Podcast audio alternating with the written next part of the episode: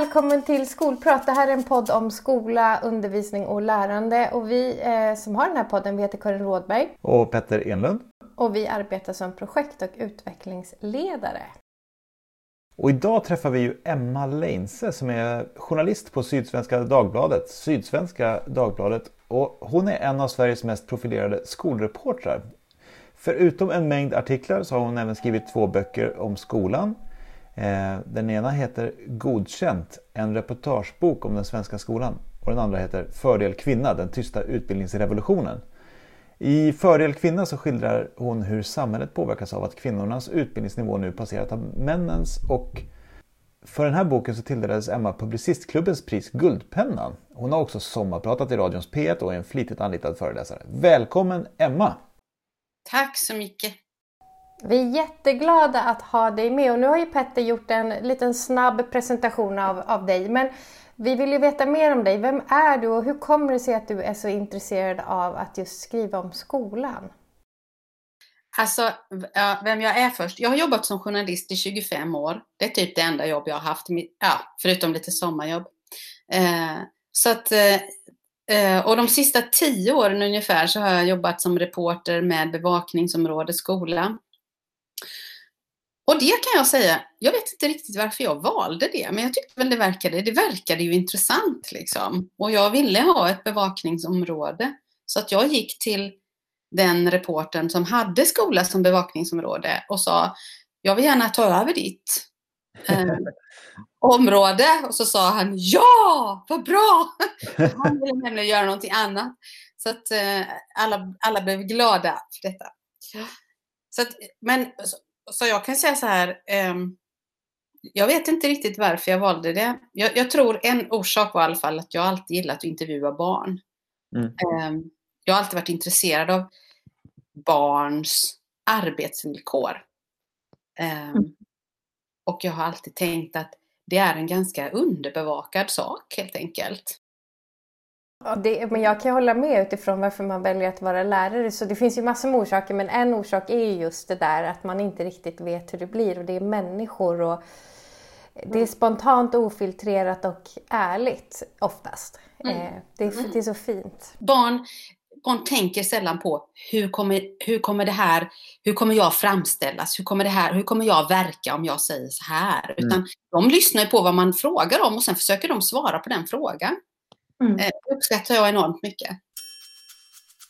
Det, det, är väldigt spännande. Jag, jag, vi har bjudit in dig för att prata om eh, dels det här arbetet som du har gjort, ditt eget, eh, ditt eget arbete, de böckerna du har skrivit och det, de artiklarna såklart. Men också utifrån den här rapporten som Fredrik Zimmermann och Kunskapsskolan släppt nu som, eh, som, kallar, som heter 10 orsaker till varför pojkar presterar sämre i skolan och vad vi kan göra åt det.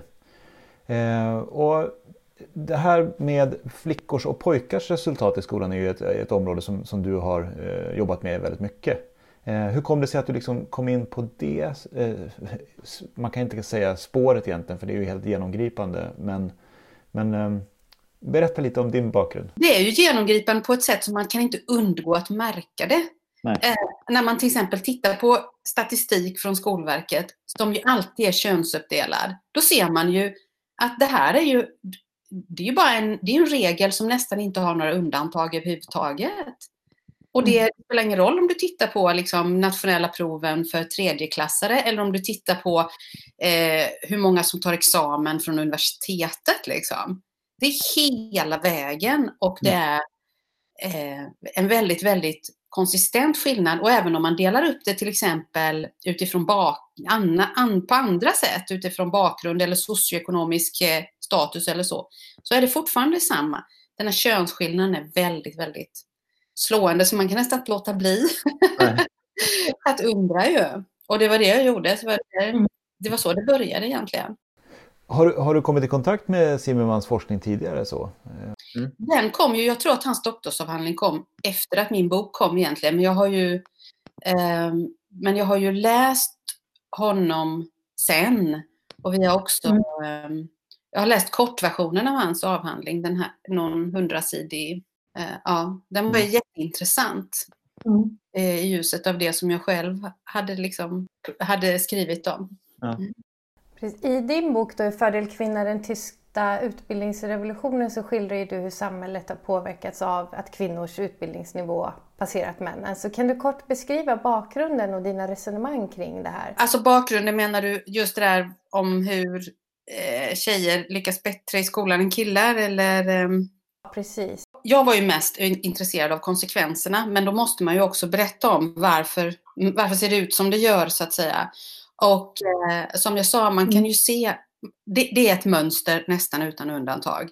Man kan se att, ehm, eh, att skillnaderna, könsskillnaderna växer ju äldre barnen blir. Eh, och är liksom kanske som störst egentligen i, i slutet, ja i nian. Eh, och eh, mm. man kan väl grovt säga att vi, eh, vi samhället, barnen själva, föräldrar, eh, skolan. Liksom, vi är väldigt många som talar om för barnen att killar kan inte lika mycket, eh, kan inte klara skolan lika bra, tycker inte att det är lika roligt i skolan som tjejer tycker. Vi, vi lär dem att, vi lär, vi lär killarna att misslyckas i skolan och vi lär tjejerna att lyckas i skolan. Väldigt grovt sett, för det är klart det finns många killar som lyckas i skolan också. Eh, mm. Men vi, vi lär ju dem den här könsskillnaden som de inkorporerar och gör till sin egen eh, under, under skolgången. Liksom. Så det är ju den stora förklaringen till varför, det, varför skillnaderna, resultatskillnaderna mellan könen finns.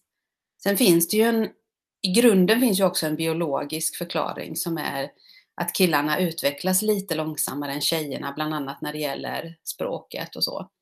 Men det är ju lite mm. grann så här hur vi behandlar dem utifrån den här skillnaden.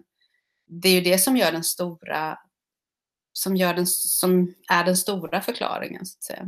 Zimmerman tar ju upp det, inte så noggrant i den här förkortade rapporten, men i sin avhandling just att vi pratar på ett annat sätt. Vi pratar med flickor medan vi pratar till pojkar från tidig ålder. Mm. Eh, och det här är mm. antagligen någonting som vi gör ganska oreflekterat i, ja, men i våra mm. olika roller som föräldrar eller kompis eller vad det nu är. Att eh, det får en ju att tänka på hur man bemöter barn utifrån kön. Och sen när de väl blir gamla, alltså jag tänker att, att tjejer har i genomsnitt 20 eh, meritpoäng bättre betyg än killar det, jag tänker så här, hade det bara varit det så hade det ju kanske inte spelat någon roll. Men det, men det betyder ju när de läser vidare sen att det, tjejer i mycket högre grad tar gymnasieexamen till exempel. Och det betyder ju, kommer ju verkligen betyda någonting för deras framtida, framtid på arbetsmarknaden och deras liv framöver. Mm. Så att konsekvenserna av den här, av det sättet vi behandlar dem på, det är ju där det är ju där det verkligen betyder någonting. Ja, då har ju de här tjejerna och killarna blivit vuxna och då väljer de själva, eller hur man nu ska säga. Va? Då, då lever de sina liv utifrån det som vi har lärt dem. Jag tänker också jättemycket på det som eh, Zimmerman, eller du också pratar om det med flit och med liksom, eh, alltså hur man bemöter, alltså det du säger nu är ju att om vi pratar med flickor på ett sätt som gör att de förstår att de kan påverka sitt, sina studieresultat eh, genom flit eller genom ansträngning Eh, så, så, så skapar det också kanske en tro på att man kan göra vad man vill längre fram. Alltså om jag tolkar det rätt. Och så även liksom senare i livet när man har sin utbildning färdig. Eh, då vet man också att men jag, kan, jag kan anstränga mig att komma vidare ännu längre. Eh, och att, det, att mycket hänger ihop med det. Att lära sig att jag kan lära mig. Mm. Den, den insikten liksom. Jag ja. kan bli bättre om jag jobbar för det. Men den är oerhört bra att ha genom hela, ja, både studiesystemet men, och utbildningssystemet men också i jobb, ett jobb. Men varför ja. tror du att pojkar har en lägre uthållighet? Jag vet att eh, Angela Duckworth, hon forskar ju på grit, alltså uthållighet. Och den, nu vet jag inte om den forskningen är klar, men jag, när jag läste hennes bok för några år sedan så stod det att när man gör självskattningar på grit och uthållighet så självskattar sig kvinnor högre än män. Och en eventuell förklaring skulle, skulle kunna vara att kvinnor historiskt sett har fått kämpat lite hårdare för att ta sig vidare och därför skulle det då kunna förklaras som att kvinnor och flickor har en högre ja. uthållighet. Jag, jag vet inte. Eh, jag har inte kollat på området på, på ett tag nu men jag tyckte att det var så intressant då. Kan man förklara det på det sättet? Eller är det en, ett sätt att förklara det på? Jo, men det låter ju rimligt. Um, mm. Alltså om man någon gång i tidigt i livet inser att nu har jag jobbat för detta och, så, och, och att man kan koppla arbete med framgång, då, ja, då, då tar man ju med sig den erfarenheten såklart. Du tog, du tog upp, Eh, jag lyssnade på en föreläsning med dig eh, någonstans på Youtube. eh, där du prat, då pratade du om eh, att det här med flickors ohälsa eller den psykiska ohälsan och, och att eh, alltså, just den här ansträngningskulturen också kan kopplas till kanske den känslan av att man faktiskt hela tiden kan stå till svars för sina resultat. Att det inte har så mycket med talang att göra utan att det har mer med, med ansträngning att göra. Eh, det skapar också en enorm press på, på dagens flickor som är, som är ohälsosam eh, i många delar. Vad tänker du kring, kring, kring det liksom, utifrån ett, ett, ett jämställdhetsperspektiv? Hur ska man kunna balansera det där? Tjejerna, tjejerna tar ju åt sig väldigt mycket. Eh, de lägger väldigt stort ansvar på sig själva. Att även om kanske omständigheterna inte funkar så lägger de ändå ansvaret på sig själva för att de har misslyckats med någonting. Mm. Um, i, mindre, I mycket högre grad än vad killarna gör. Och det är, inte, det är såklart inte, inte bra. Liksom det är väl också det man ser. Vuxna kvinnor är ju också de som blir sjukskrivna mest eh, på arbetsmarknaden. Det hade ju varit jättebra om man hade kunnat, om, om nu en mer jämställd eh, värld hade kunnat liksom hjälpa på det problemet så att tjejer kanske blev lite mer som killar på den punkten. Men jag mm. tänker också att eh, när, man, när man kopplar eh, tjejers eh, att de mår dåligt i skolan och så till att de är, har väldigt höga, eller som att de lyckas, prestationskrav och så. De, de tjejerna lyckas ju ofta väldigt bra. Och i det långa loppet så är ju en god utbildning ett väldigt bra vaccin mot psykisk ohälsa. Så jag tror liksom att den, de, ja, den svåra psykiska ohälsan får man ju av att inte ha bra skolresultat. Det ska man inte glömma bort. Ehm, och sen vill jag liksom inte förminska det här att tjejer känner sig jävligt stressade i skolan. Det är i alla fall, ja, det, kan, det är en annan sorts stress liksom och en annan sorts psykisk ohälsa som kanske går över sen också eller som ja, inte blir så farlig. Om vi går över till konsekvenser för samhället, vad, vad, vad, vad, vad kan du se liksom, eh, är, liksom, vad blir, hur påverkar den här skillnaden eh, i skolframgång och liksom, eh, studieresultat. Hur påverkar det samhället eh, i det långa loppet? Det man kan se som har hänt, och nu talar vi ju nu talar vi årtiondens utveckling, för att så måste man se. Det här har varit en väldigt så här, jämn utveckling, men som kanske inte händer så mycket från år till år, utan man får titta på 10, 20, 30 år. Och då kan man ju se, hemma, eh, i hemmet kan man liksom se att eh, män tar allt mer föräldraledigt. Man kan se när Försäkringskassan har tittat på det så kan de se att vad beror det på? Jo, det beror den enskilda faktor som eh, förklarar varför män är hemma med sina barn, det är mammans utbildningsnivå. Det vill säga, ju mer utbildad mamman är, desto större chans är det att pappan kommer ta föräldraledigt. Så det finns välutbildade kvinnor driver på för att det ska bli jämställt hemma. Och när de gör det så betyder det också att det blir mer jämställt på arbetsmarknaden. Alltså de oförklarade löneskillnaderna mellan könen har halverats de senaste tio åren.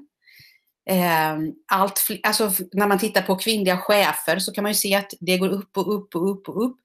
Ehm, när man tittar på vilka går in i höglöneyrkena, då är det kvinnor som fyller på där. Ehm, kvinnor går in i yrken som de kanske aldrig har gjort tidigare. Alltså de, det är många manligt kodade yrken som håller på att byta kön, om man säger så, till att bli eh, flest kvinnor.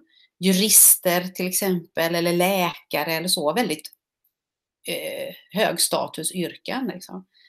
Eh, så att det händer jättemycket både på arbetsmarknaden och, och hemma när, när kvinnor får mer utbildning. Så man kan verkligen säga att de, det driver verkligen på jämställdheten alltså. Mm. Det var en kollega till mig som sa när hon tittade på de här siffrorna, eller när jag förklarade så sa hon ja, det är så vi, det är så vi krossar patriarkatet. Ett högskolepoäng i taget. Och det är, ju liksom, det är ju ett sätt att verkligen att göra det på. Ja. För man kan se stora, att det händer saker hela tiden. Liksom. Ja. Men det här med att krossa patriarkalet och så, de här männen som inte utbildar sig då, de här pojkarna som inte lyckas i skolan, vad händer med dem?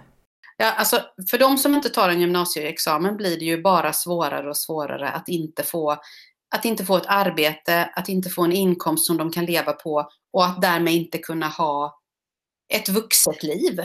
Som ju egentligen är mm. målet med hela...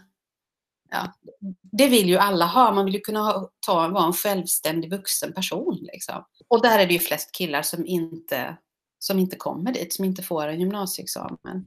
För dem är det ju en väldigt... De blir ensamma på ett sätt som, som kvinnor inte blir. Alltså för de har inte bara, de blir bortvalda helt enkelt av, av kvinnor som partners och som pappor. Man kan se en jätteskillnad mellan välutbildade män och lågutbildade män i hur många som blir, hur stor andel som blir pappor. Mm. Eh, och hur många som lever med sina barn. Och det, demografer ser liksom en, de ser en växande grupp pappor som ägnar mer tid åt sina barn än vad de kanske någonsin har gjort.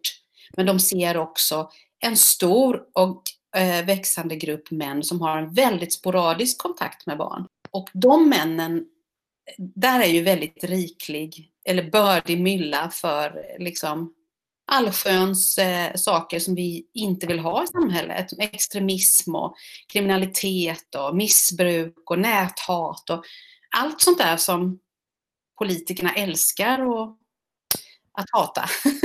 jag älskar att prata om. Och, alltså, väldigt mycket bottnar i en dålig utbildning, liksom, en, en misslyckad skolgång. Mm. Jag bor i Malmö mm. och Malmös eh, polischef Stefan Sintéus, han har sagt att de kan se en gemensam faktor hos alla de här kriminella unga männen som skjuter på varandra här. Och det är en misslyckad skolgång. De hade inte en gymnasiebehörighet. Och då, då tappar man sina sammanhang. Ja, ja precis. Man blir så utanför på så många sätt. Mm. Liksom. Mm. Förr, kanske för 30 år sedan, kanske det inte gjorde så mycket att man hade, inte hade en gymnasieexamen. Men nu gör det det. För då kan man ju verkligen här, se framför sig att om, om, en person som har väldigt svårt hemma och som har eh, kompisar som gör det mesta som inte är bra eh, och sen så har man skolan ändå som, där man ingår i någon typ av positivt sammanhang i alla fall. Eh, och när det då försvinner så, så, så, finns det ju inte så många andra sammanhang kvar. Eh, så det blir väldigt tydligt. Ja. Jag, jag kan verkligen, eh, man kan verkligen förstå det. Ja. Det här är ju en könsskillnad. Det är klart att det är lika svårt för kvinnor som inte har en gymnasieexamen, kanske faktiskt svårare. Men där finns ju en könsskillnad som vi ser väldigt tydligt att män vänder ofta den frustrationen utåt. Mm att deras desperation kan vi ju se på ett annat sätt på gatorna och i samhället. Mm. Eh, det, de, de blir farliga för andra också. Mm. På ett sätt som kvinnor inte blir ofta. Det, det som är gemensamt, det, det, som man kan tänka på här, det är ju att det finns ju olika eh, kategorier av elever med olika svåra förutsättningar. Till exempel föräldrarnas utbildningsnivå, eh, prata svenska hemma, eh, liksom kulturell förståelse och alla de här sakerna som också spelar roll för skolresultaten. Det som är gemensamt är att pojkar i alla kategorier presterar, de presterar sämre. Eh, och det är ju Eh, alltså, så pojkar med studieovana föräldrar de har generellt sämre resultat än flickor med studieovana föräldrar. Utlandsfödda pojkar presterar sämre än utlandsfödda flickor. Och på gymnasiet då presterar de dessutom de svenskfödda pojkarna generellt sämre än utlandsfödda flickor. Så att då, då är det liksom, att vara pojke verkar riktigt eh, dåligt för studieresultaten. Liksom. Eh, så det, och det kan ju, som du säger, det måste ju vara eh, liksom, en blandning av resultat. Men vad, vad, vad, tänker du utifrån Zimmermans rapport? Han, han listar ju en massa orsaker. Kan inte du ta, ta oss igenom lite vad du tänker kring det? Det, det är mycket här, det, det, är mycket av Fredrik Zimmermans punkter som har som har mycket med, med mansnormer att göra ju. Mm. Eh, att, mm. det, och det måste ju vara det jag tänker, det måste ju vara det som Ja, det är ju mycket det som förklarar skillnaden mellan könen. Eh, för att även om man har um, Ja, och då blir ju killar som är kanske från en, eh, en familj med lågutbildade föräldrar, då kommer det ovan, då kommer det som en extra grädde på moset då. Eh, och till och med kanske att har man låg utbildning överhuvudtaget så kanske de här mansnormerna är ännu tydligare. Eller om man kommer från ett annat land där man har mer traditionella uppfattningar om vad det är män och kvinnor. Eh, allt det ligger ju killarna i fatet när, de, när, man, när man tittar på de här punkterna. Det är att man, man utgår från att en kille ska klara sig själv till exempel. Han ska inte be om hjälp. De hänger ju, hakar ju i varandra liksom. Mm. Den här, hans femte punkt, varför får inte män visa sig svaga? Det är ju liksom manlighetens första regel typ. Jag vet, jag var med på en sån här värderingsövning en gång med en nionde klass där de fick sortera eh, ord. De fick en massa ord och så skulle de sortera det då i eh, manligt och, eh, och kvinnligt. Inte vad de själva tyckte utan vad de trodde att folk i allmänhet tyckte. Liksom. Så skulle de sortera i olika så här, eller vad är, vad är, vad är jättemanligt och vad är bara manligt och vad är van, tillhör en vanlig man och vilka ord tillhör de som är omanliga. Och det blev en väldigt liksom, tydlig sortering. Det var inte så att de satt och sa nej men det här går inte att sortera upp, utan de var väldigt så, detta dansband, det är omanligt. Eh, motorcykel, det är ju liksom så är übermanligt. Så skulle de sortera de här olika manligheterna, vilket de trodde hade högst status, och då var ju det här som var omanligt, det vill säga kvinnligt, det låg ju längst ner. Det var som mindre värt än den här übermanliga som satt i fängelse och drack whisky och var tatuerad. Hade, den, hade, den ansåg de hade högre status. Och han som ledde den här värderingsövningen, han sa nästan alla, i princip alla klasser kommer fram till samma sak. Så de finns ju väldigt tydligt de här. Män ska inte vara kvinnor. Och utifrån den så kommer ju, så ge, då ger sig väldigt mycket annat. Till exempel att om, om, de då inte har, om de då har en pappa som inte läser för dem till exempel. Så kommer det här, ja men skolan blir inte begriplig men man kan inte be om hjälp för man ska ju klara sig själv för att man är kille. Det är ju trist hur många av de här punkterna helt enkelt bara förstärker varandra. Jag kan verkligen eh, bara instämma i det. Och jag kan också, jag blev här, nästan, inte chockad är ett starkt ord, men eh, jag blev förvånad att det var så, att jag kände igen mig så mycket i de här punkterna. Eh, att man mig själv och min skolgång. Alltså det här är ju mina erfarenheter som, som det handlar om. Allt det här. Alltså vad innebär det att liksom vilja Alltså att vilja vara, att vara nyfiken till exempel i skolan som, som man eller som pojke. Eh, hur, hur är man det på rätt sätt? Eh, om, man, om man är som jag då ganska intresserad av till exempel historia. Hur tar man sig in i liksom eh, på rätt sätt då, att for, bibehålla sin status i, den, liksom i, i gruppen och att, att men, men också vara intresserad av skolarbete till exempel. Ja, men jätteintressant. Vi hade en kille på, högst, eh, på mellanstadiet som gick under namnet professorn och det var inget positivt men han kunde ju allt. Och han var ju en kille som pluggade och som stod för att han pluggade för att han, kanske lite som du var Petter kan jag tänka mig, så här, huvudet på skaft och, och liksom räckte upp handen så han nästan lyfte från stolen för han kunde så mycket och ville dela med sig och liksom visa sig vara duktig. Men den här killen hade ju ing, han fick lite status när han vann nutidsorienteringen på den tiden fick man åka till Stockholm och träffa kungen och då fick ju också klassen äta tårta. Så då höjdes hans status. Men det är helt sjukt att han inte hade, hade någon status alls. Utan då, för att, att vara duktig i skolan som kille, enligt Zimmerman då, Ja, absolut man kan vara duktig men man kan inte plugga för att vara duktig utan då är man en talang, man kan det från början. Så att anstränga sig och plugga, det, det är lika med låg status eller lägre status än någon som liksom är född talang, vilket väldigt få människor är.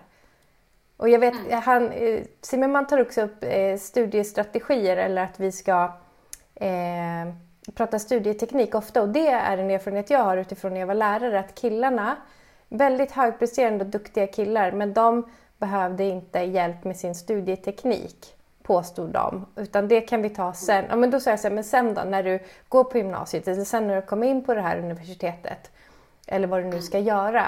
Ja men då får jag ta det då.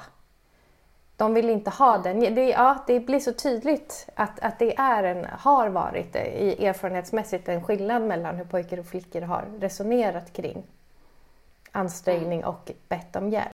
Sen vi vill ju såklart att kvinnor fort, fortsatt ska liksom utbilda sig, att det ska vara jämställt hemma, att mannen ska vara med barnen. Men vi, vi vill ju också att vi vill inte ha ensamma män som, som, som liksom blir utåtagerande och mår dåligt och får sämre hälsa, både liksom fysisk och psykisk hälsa. Så vad kan vi göra? Och när du säger vi, menar du skolan eller menar du oss allihop? Ja, oss allihop först och sen kan vi avsluta med skolan kanske och det Zimmerman tar upp. Men vad tänker du att vi i samhället i stort, vad behöver vi göra? Alltså jag, jag, jag brukar tänka, jag brukar säga att eh, det bästa en pappa kan ge sin son det är ju att läsa högt för honom på kvällarna. Eller läsa högt för honom. Därför att han får, då får sonen, dels får han ett språk som ju är väldigt bra att mm. ha när man börjar skolan. Och dels så får han någonting som faktiskt hans mamma inte kan ge. Det är en bild av att en pappa, är, en man är någon som läser. Och den tror jag också mycket, den är också minst lika viktig liksom. Att det är det här, man gör, mannen gör detta. Liksom. Mm. Eh, så det, alltså jag, jag tänker, det, det, borde ju vara, verkligen vara ett sånt här riktigt eh, starkt budskap från barnavårdscentraler till exempel och så. Att mannen är väldigt, väldigt viktig för att han är man här. Och sen, eh, sen tror jag att skolan, så här generellt sett, eh, eh, det där med att arbeta mot, mot genusnormer och sånt. Jag tror egentligen det bästa skolan kan göra där, det är att vara en riktigt bra skola. Som till exempel ser till att alla barn lär sig läsa, och jag menar alla barn lär sig läsa väldigt, väldigt tidigt. Att de fort får uppleva den framgången mm. att lära sig läsa. Alltså där tänker jag så här, det finns ingenting, det borde inte vara någonting som var för dyrt eller för krångligt. Alltså, det borde bara vara så alla unga ska lära sig läsa. Punkt. Mm. Liksom. Det, det, borde man aldrig fråga vad det kostar faktiskt, för det tror jag man får igen direkt. Mm, jag kan bara instämma. ja. Den här läs och skrivgarantin, jag kommer inte exakt ihåg vad den innebär, men det, det är någonting som kom förra året från Skolverket det känns ju tyvärr som, det enda de gav pengar till det är att man skulle dokumentera och kontrollera mer. Inte. Det fanns inga extra pengar till själva undervisningen. Det är så typiskt liksom. Eh, utan det borde ju vara tvärtom. Behövs det särskilt stöd så ska man ge särskilt stöd innan ungarna har fattat ens att de kanske är efter. Liksom. För mm. att det är så himla viktigt att de ska få den där känslan av att jag kan det här om jag anstränger mig. Så ja. kommer jag klara det. Mm. Liksom. Och att få igång det här pratet om det man läser. Alltså tänker jag, att kunna liksom eh, lägga tid på att låta tre elever sitta och prata om en bok. Eh, som de har läst redan från början. Så här. Nu läste vi den här berättelsen, vad betydde det? Vad hände här? Och att man liksom får den här av, liksom, känslan för att det utspelar sig berättelser här som är eh, fulla med intressanta liksom, eh, aspekter. Eh, och det krävs ju vuxennärvaro, det krävs tid, det krävs eh, planering, det krävs ju massa sådana saker som, som är helt beroende av liksom, det som, som händer med, ja, men, i undervisningen. Och där får man ju automatiskt också det som vi pratade om tidigare att killar inte får. Mm. De får en diskussion.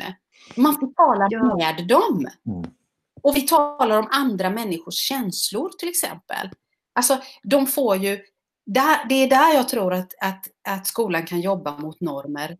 Genom att, ja men inte att liksom prata om normer faktiskt direkt, utan om att, att ge dem bra undervisning. Att, mm. att, att ja, eh, det, det tror jag är det bästa, att skolan ska vara en riktigt bra skola. Ja, men jag, jag, tänker, jag tänker på det här med, med, med med värde, det är en diskussion kring värdegrund. Liksom. Vad är det att, att, eh, att, att undervisa, kan man undervisa i värdegrund? Nej men det, det kanske är så att man, man ska väldigt tydligt visa det här är viktiga värden och vi lever dem. Eh, vi tror på eh, att alla är lika eh, mycket värda och det visar vi genom att ge alla lika mycket talutrymme till exempel. Eller vi utmanar alla lika mycket och så vidare. Eh, och, och den, det som du säger, som jag hör att du säger, det är att det, det är någonting som visas genom riktigt bra utbildning. Eh, i, i, en skola som är riktigt bra organiserad, i en skola som har välutbildad personal, eh, som, där man planerar sin undervisning, där man möter varje individ, där man liksom utifrån varje persons förutsättningar utmanar och inspirerar. Ja, men alltså alla de här delarna är det som är på något vis eh, lösningen. Eh, sådär. Men jag tror också att man måste bli medveten om vilka normer som man reproducerar. Och, och det, det, det, tror inte jag att alla människor Alltså, när jag var lärare så hade vi ett, eh, ett projekt där vi jobbade med normkritik. Och jag, det blev jättetydligt för mig att jag reproducerade eh, vissa normer som jag egentligen inte alls stod för. Så det krävs också en medvetenhet och en reflektion i, i lärargruppen eller i hemmet eller liksom vad man nu... Mm. Eh, så det tror jag också är viktigt att liksom förstå vad är det jag egentligen säger.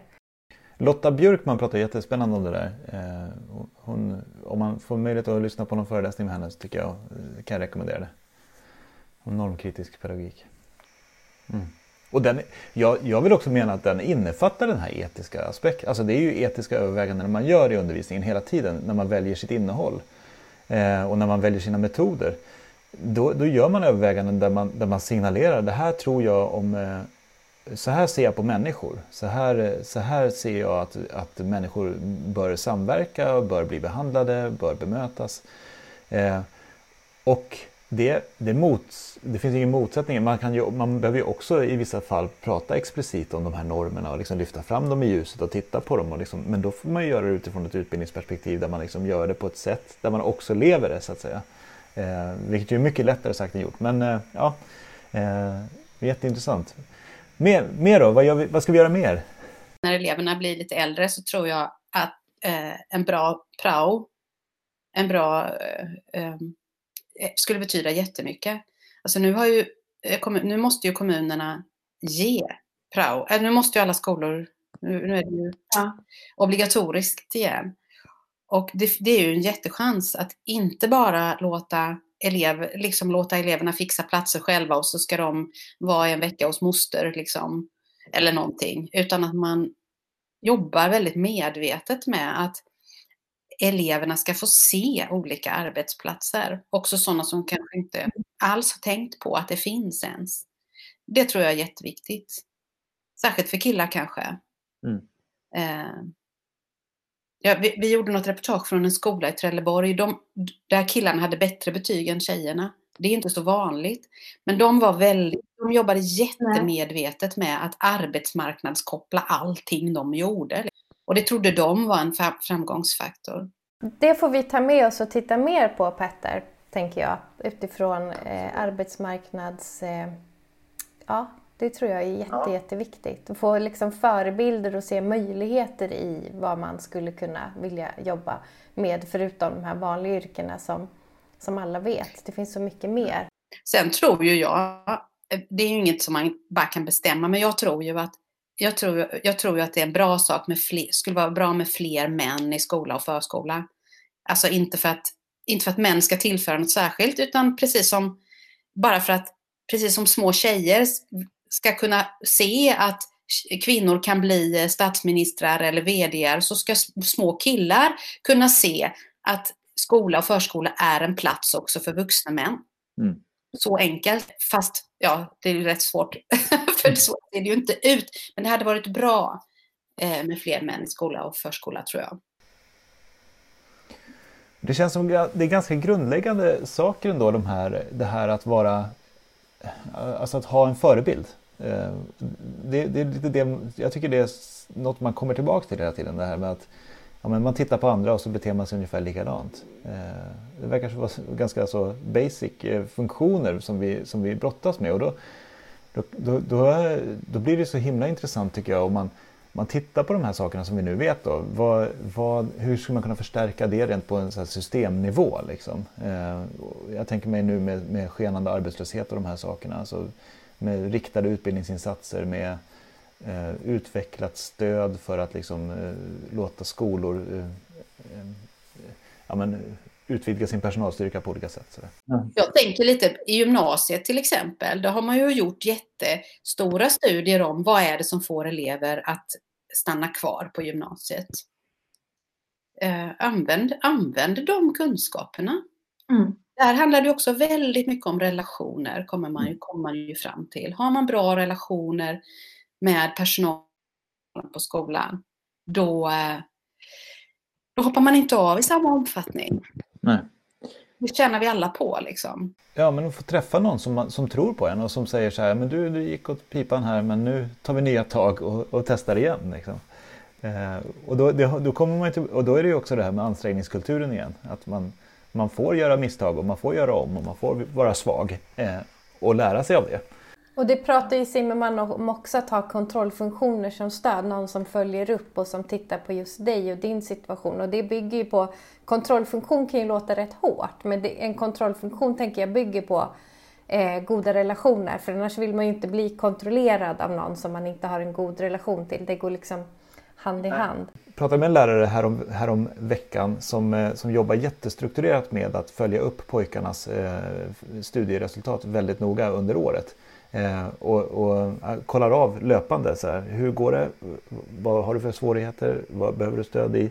Alltså mycket tajtare uppkoppling och uppföljning än, eh, än eller mycket, men tajtare i alla fall eh, uppföljning än eh, flickornas eh, eh, framsteg. så. För de behöver inte och mår, vill inte ha samma typ av liksom, tät uppföljning som pojkarna faktiskt. Han märker att de mår bra av det verkar det som. Eh, och de, för han märker att de liksom behöver den där typen av eh, avstämningar. Och då kan man ju tänka att det är, en- det är en ganska liten sak. Och som du sa, det är ganska basic saker. Mm. Det är å andra sidan saker som man måste göra hela tiden. Och därför, Mm. det, det är ju inte så här, nu gör, vi, nu gör vi en grej och sen så löser vi detta. Utan Nej. det, är hela, det, det, det, är, men det svåra i det också kan man säga, att det är något som ska ske hela tiden. Emma, tusen tack för att du tog dig tid och, eh, och var med i Skolprat och delade med dig av din kunskap kring det här jätte, jätteviktiga ämnet som vi har pratat om idag. Tack så jättemycket för att du tog dig tid. Jag uppskattar det jättemycket. Uppskattar jättemycket. Ja. Tack!